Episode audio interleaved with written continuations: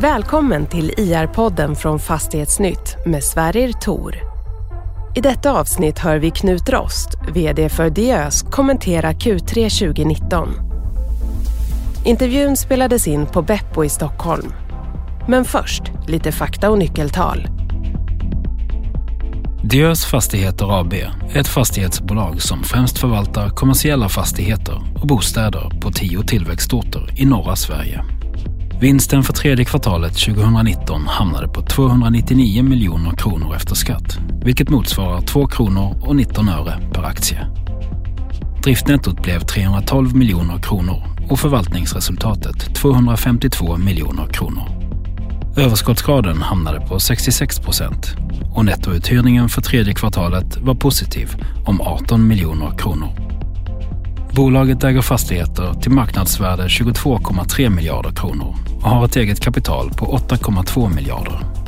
Soliditeten är 36,4 procent, räntetäckningsgraden 6,6 gånger räntekostnaderna och belåningsgraden är 53,8 procent. Långsiktigt substansvärde per aktie är 71,2 kronor. Diös är börsnoterat med en 74% i free float och bolagets VD är Knut Rost.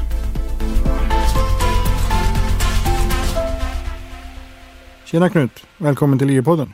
Hejsan. Allt bra? Allt är mycket bra. Mm.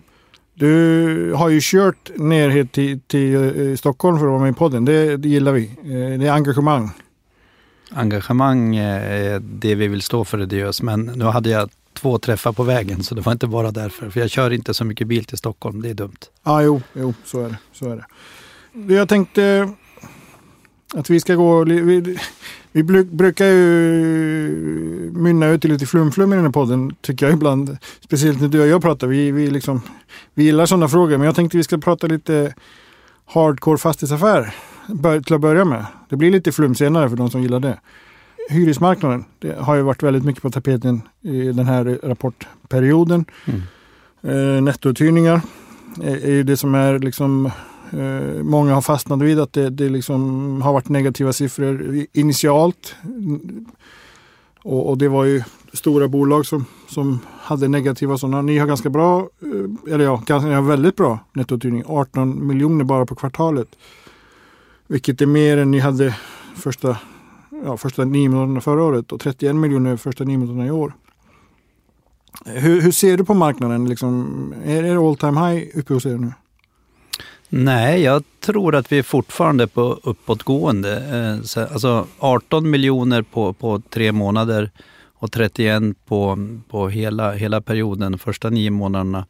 Jag tror dock att jag måste göra mig till tals lite för branschen och säga så här, det är lite farligt också att mäta styrkan i ett bolag eller en hyresmarknad på tre månader. Mm. Mm. Vi som jobbar i fastighetsbranschen jobbar ju betydligt längre än så. så att det är en indikation, absolut. Eh, det tycker jag, speciellt om man ser det över tid, om man ser det över ett år och kanske till och med längre än så. Men att bara plocka tre månader och så ha det som ett, eh, ett, ett, eh, momentum att det, att det inte går bra för branschen, det, det tror jag är lite farligt. Men sen ska man ju ha klart för sig att nivåerna är ju höga idag. Alltså aktie, Alltså mm. priset på aktier står ganska högt idag. Många handlas med premium och så vidare, så det är inte konstigt att det blir lite känsligt. Men, mm. men och bara, och bara bedöma det ut efter nettouthyrning kan jag tycka är lite, ah, det kan vara lite kortsiktigt. Mm. Och det, det slog ju ganska brett. Det slog ju mot bolag som knappt ens räknar nettouthyrning för de har, så pass, har en helt annan affär. Du säger ju också i vd-ordet att kassaflödet från den starka nettouthyrningen under kvartalet kommer om 12 till 24 månader. Så det finns ju en, en ledtid där också, som en lagg så att säga.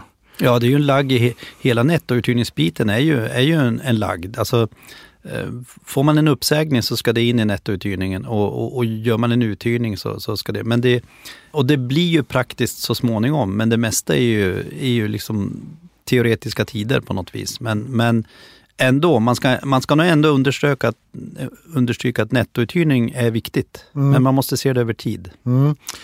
Ni redovisar ju föredömligt i, i rapporten eh, dels eh, eh, alltså under avsnittet Våra hyresgäster, dels eh, vakanssituationen men också nettouthyrningen och, och över lång tid från 2014 här. Och det, det är i stort sett en symmetrisk eh, graf. Uppstår det vakanser så, så hyr ni ut dem så att säga. Men ni skriver också här att, att vakanserna har ökat något till följd av några större uppsägningar samt tomställande av yta. Eh, och ni har en, en ekonomisk vakansgrad på, på 15 procent. Är det någon, liksom, känner du någon oro för det där?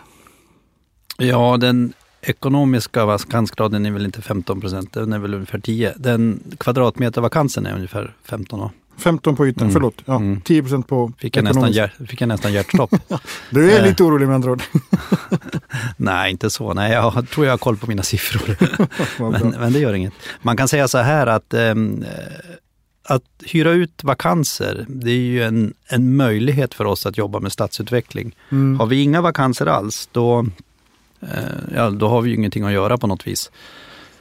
Eh, Inte alltså- heller om ni har för stora vakanser. Nej, det får inte vara för stort. Det här, eh, jag följer naturligtvis det här väldigt noga och jag styr det väldigt noga skulle jag vilja säga. Och man kan säga så här att i de, våra centrala, eh, vi ska ju helst bara finnas i de centrala delarna i våra tio städer. I de allra centralaste delarna så har vi inte så mycket vakanser utan det sker i B och C-områden. Mm. Och eh, ska man generalisera så kan man säga att nya vakanser som uppstår, de hyr vi ut nästan direkt. De är så attraktiva. Det är rätt läge, det är rätt standard eh, och, och det är rätt omgivning. Alltså man vill ta del av det, det urbana utbudet som finns Mm. i Mm. våra centrala städer. Men eh, de vakanser som uppstår i B och C-lägen kan vara svårare och där får vi jobba lite mer och det är det som händer här. Men det här kommer också från att vi hade, vi hade ju en, en negativ nettouthyrning under 2018, Mm. i mitten Mm. på 2018 och det är det som syns nu i, vår, i våra vakanssiffror. Mm. Jag är inte orolig för det här. Vi står väldigt mycket på tå när det gäller att hyra ut våra vakanser. Men det finns, det finns en lagg kan man säga från det att vi får en uppsägning till att vi har hyrt ut en lokal i sämre lägen. Så den polariseringen på hyresmarknaden är tydlig. Man vill vara i centrum, man vill ha rätt läge i centrum, nära resecentrum och så vidare. Ni har ju varit relativt transaktionsintensiva de senaste åren. eh, Framförallt att lämna de, de städer ni, ni inte vill vara i. B och C-lägen är ju lägen där ni på något sätt per definition helst inte vill vara i. Kan det vara liksom så att ni, ni helt renodlar beståndet till, till A-lägen? Eh, svaret är nog nej på den frågan därför att ett stort fastighetsbolag som vi nu, eh, vi måste nog ha både A, B och C-lägen. Dels för att kunna utveckla fastigheter och gå från B till A. Mm. Det är ju det ena. Det andra är ju att våra hyresgäster, om, om vi nu säger att vi ska vara hyresgästens bästa vän, då, då måste vi kunna erbjuda lokaler i princip i alla lägen. Mm. Men däremot tycker jag att du har rätt så tillvida att vårt fokus, det är ju att svara på de trender som vi ser både nu och framåt.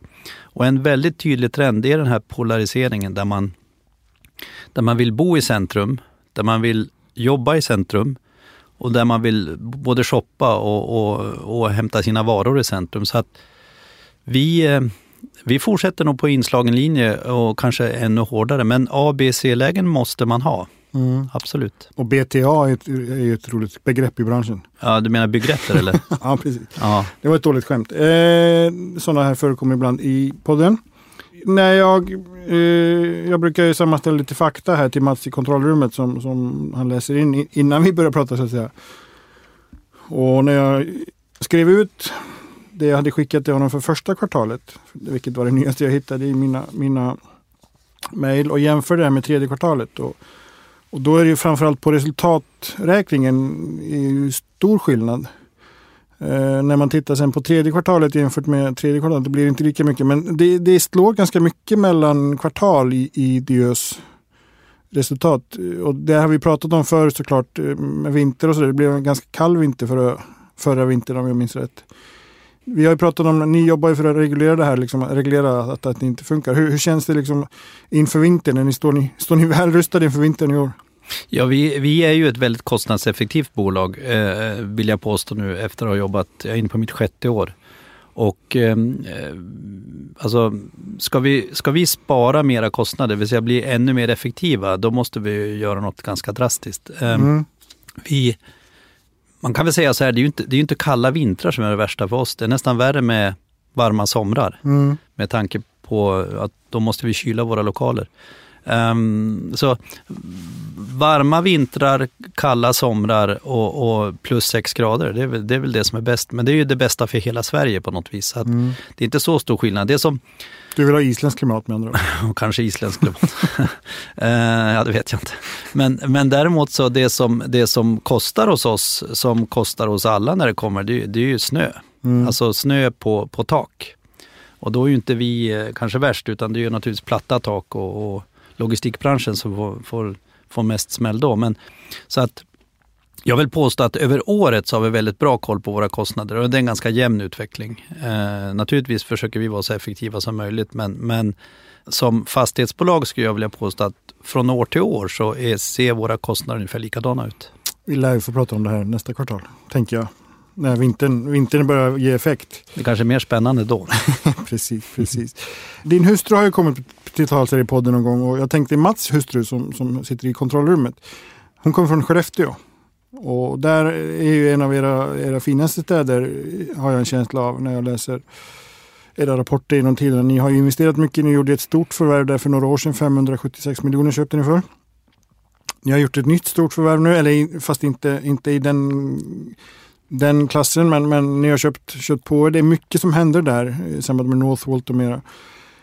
Hur, hur tänker ni där? Kommer kommer ni bli ännu större där så? Alltså i alla, alla våra städer så kan man säga så här så vill vi kanske nå åtminstone 150 000 kvadrat. Mm. Det optimala kan jag tycka är 200 000 kvadrat. Därför att då får vi en effektiv organisation, lagom många människor och vi liksom håller ihop bolaget på något sätt i antal personer på plats. Mm. I några städer och inte minst i Skellefteå så har vi har väl 110 000 kvadrat i Skellefteå.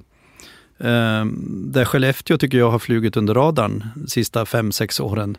Eh, jag ska inte säga att vi såg det här med Northvolt, för det gjorde vi inte. Men vi såg att ingenting hände i Skellefteå. Och det är ju, det är då man ska gå in. Man ska ju inte gå in när allt har hänt. Mm. För då får man betala ganska mycket med relativt låg, låg avkastning. Så att lite tur, en del skicklighet har gjort att vi, vi ändå har 110 000 kvadratmeter i Skellefteå och bara centrala fastigheter och i princip inga vakanser alls. Mm. Men upp, uppåt 200 vore önskvärt. Yes, Mm. så är det. Hur, hur ser marknaden ut? Finns det mycket att köpa eller finns det liksom, är det andra som konkurrerar om, om kåkarna? Det är som vanligt i våra städer, det är väl, tittar man på Umeå som kanske är vår starkaste marknad, där har vi åtta andra noterade bolag och sju, sju onoterade. Mm. Eh, Då kan man undra, är det konkurrensen som gör att det går bra? Eller, men, och det kan det till viss del vara, men den stora grejen tror jag det är att alla driver staden framåt. Det är en Mm. väldig drivkraft. Mm. Och där har vi en kommun som vill något också. Mm. Det är lite samma sak i Skellefteå. Det är inte riktigt samma konkurrens, men eh, det finns ganska många lokala där. Det finns en del eh, externa spelare också, men det känns på något vis som eh, marknaden, alltså mm, den, den fastighetsmarknaden som jag, som jag representerar, inte har upptäckt Skellefteå riktigt. Okej. Sen har ju Heimstaden och ett gäng eh, tagit på sig att bygga bostäder där och det, är- det är ett jäkla tryck där uppe. Alltså. Men framförallt så har vi en kommun som vill något, där Mm. kommunledning och politiker har pratat ihop sig. Mm. Och det är en ganska stor kommun. Jag själv blev ju förvånad när jag läste på Skellefteå för något år sedan. För det, det, det är inte bara ett hockeylag så att säga. Det, det, det bor ju över, över 70 000 personer i kommunen. Mm, mm. Det jag vill komma i det här är ju lite, och du är lite inne på det här tycker jag i rapporten med, med, med städernas attraktionskraft. Du pratade urbana miljöer här tidigare och sådär. Storstäderna har ju på något sätt börjat pika i Sverige. Den här cykeln. Det här är ju cykliskt såklart. Eh, urbaniseringen, de har ju utarmat även om, under, under den här perioden även de, de större regionstäderna. Men det känns ju som att det finns momentum i, i regionstäder idag som, på ett helt annat sätt än, än vad det finns i storstäderna. Är det en bild du delar? Eh, Ja, i alla fall den sista delen. Det vill Mm. säga, vi känner ju att det finns ett ganska stark kraft i regionstädernas liksom, tillväxtkraft. Mm. Och när vi då har valt att, att svara på trenden urbanisering så är det en massa undertrender i det som har att göra med polarisering, det har att göra med hur stort vi bygger och så vidare. Eh, och lite grann som jag på skämt brukar säga, reclaim the city. Det vill Mm. säga, i princip tycker inte jag det har gjorts något åt de här residensstäderna eller regionstäderna på 50 år. Och nu pratar jag stadskärnorna. Mm. Vilket innebär att än så länge finns det en del lågt hängande frukter där också. Alltså dels stadsutvecklingsbegreppet som nästan börjar bli lite slitet men när vi pratar stadsutveckling så menar vi flöden av människor. Mm. Och det betyder att, att har man bestämt sig för att jobba i, i Sveriges mest inspirerande städer, då måste man också ta ansvar för att bygga attraktiva mötesplatser och se till att det är en stad som folk vill bo, verka i och arbeta och besöka. Och då måste staden vara trygg. Mm. Och, och, och, det, här är sak, det här är ganska stort ansvar, men samtidigt eh, en bra business därför att bolagen, eh, eller våra hyresgäster ska jag säga, är ju beredda att betala för det här. Mm. Man är beredd att betala för att vara nära den service som medarbetarna vill ha och så vidare. Mm. Just det här med, med du säger liksom brist på, på investeringar, så det är det jag menar lite med utarmningen. Det, man har inte satsat på städerna utan man har fokuserat väldigt mycket på, på Stockholm, Göteborg, Malmö, eh, eventuellt Uppsala. Och, och det gäller ju fastighetsbolagen också. Man, man, kan ju köpa en kåk i Östersund men det är ju inte liksom innebär inte att man, man ska satsa på Östersund utan fokus har ju blivit på de stora. Känner du liksom att ni har en större konkurrens på era städer, i era städer från, från andra fastighetsbolag som inte har varit där tidigare? Absolut. Eh, vi har definitivt konkurrens från börskollegor. Mm. Vi märker ju nu också, jag menar vi har ju gått från 200 miljoner investeringar till, till det nästan tiodubbla nu på slutet här. Um, I nästan varenda stad så har vi ett bygge på gång på 3, 4, 500 miljoner. Så att det finns ett stort intresse av att investera i våra städer. Sen kan man säga att det här har ju upptäckts av andra börskollegor som, som, eh, som köper också utvecklar eh, stadskärnorna och det behöver vi hjälp med för vi kan inte göra allting själva. Så det tycker vi är jättebra. Mm. Vi ser också att priserna drar iväg ganska rejält. Vi, det finns ju ett antal objekt ute, alltså både mindre bestånd, lite större bestånd och eh, enstaka fastigheter. Och de går för eh, ganska, ganska dyra pengar idag. Kan jag tycka. Ganska låga gilder. Så mm. vi har en gildjustering i hela vårt område skulle jag vilja påstå. Mm. Och för ni, jag reagerade på att ni har ju gilder alltså i, i intervallet 68 ungefär i, i era värderingar. Eh, tror att det kommer att tryckas ner? Ja, vi ligger på ett snitt på strax under 6. Men, men ja, jag tror att det kommer att tryckas ner och jag tror att, eller jag är ganska övertygad om att det kommer att tryckas ner, men jag tror att polariseringen är stark där också. Det bra blir bättre och det som inte är så bra, det måste man göra någonting åt innan det blir bättre. Mm. Jag tror att alltså, mäklarnas råd läge, läge, läge, det är det som kommer att styra framtiden i, i våra regionstäder. Mm. Mm. Det är väldigt intressant, bara en sak som att Karlstad helt plötsligt blivit en av Sveriges hetaste fastighetsmarknader. Mm. Två stora affärer där. Knut, jag har massa frågor till men tiden är ute. Vi, vi brukar avsluta den här tiden på året med att fråga lite om, om julplaner. Vad har du för sådana? Oj, det här skulle, här skulle familjen höra. Jag har inte ens tänkt på. uh, nej, det är fullt upp med jobb. Vi jobbar 24-7 nu och det finns så mycket att ta tag i i jobbet så det har jag inte ens tänkt på. Men jag hoppas inte att någon har tänkt sig att vi ska resa någonstans utan att vi är hemma och bara tar det lugnt och, och får om varandra. vi får se hur det blir. Ja, det är bra. Toppen. Tack Knut. Tack Sverrir.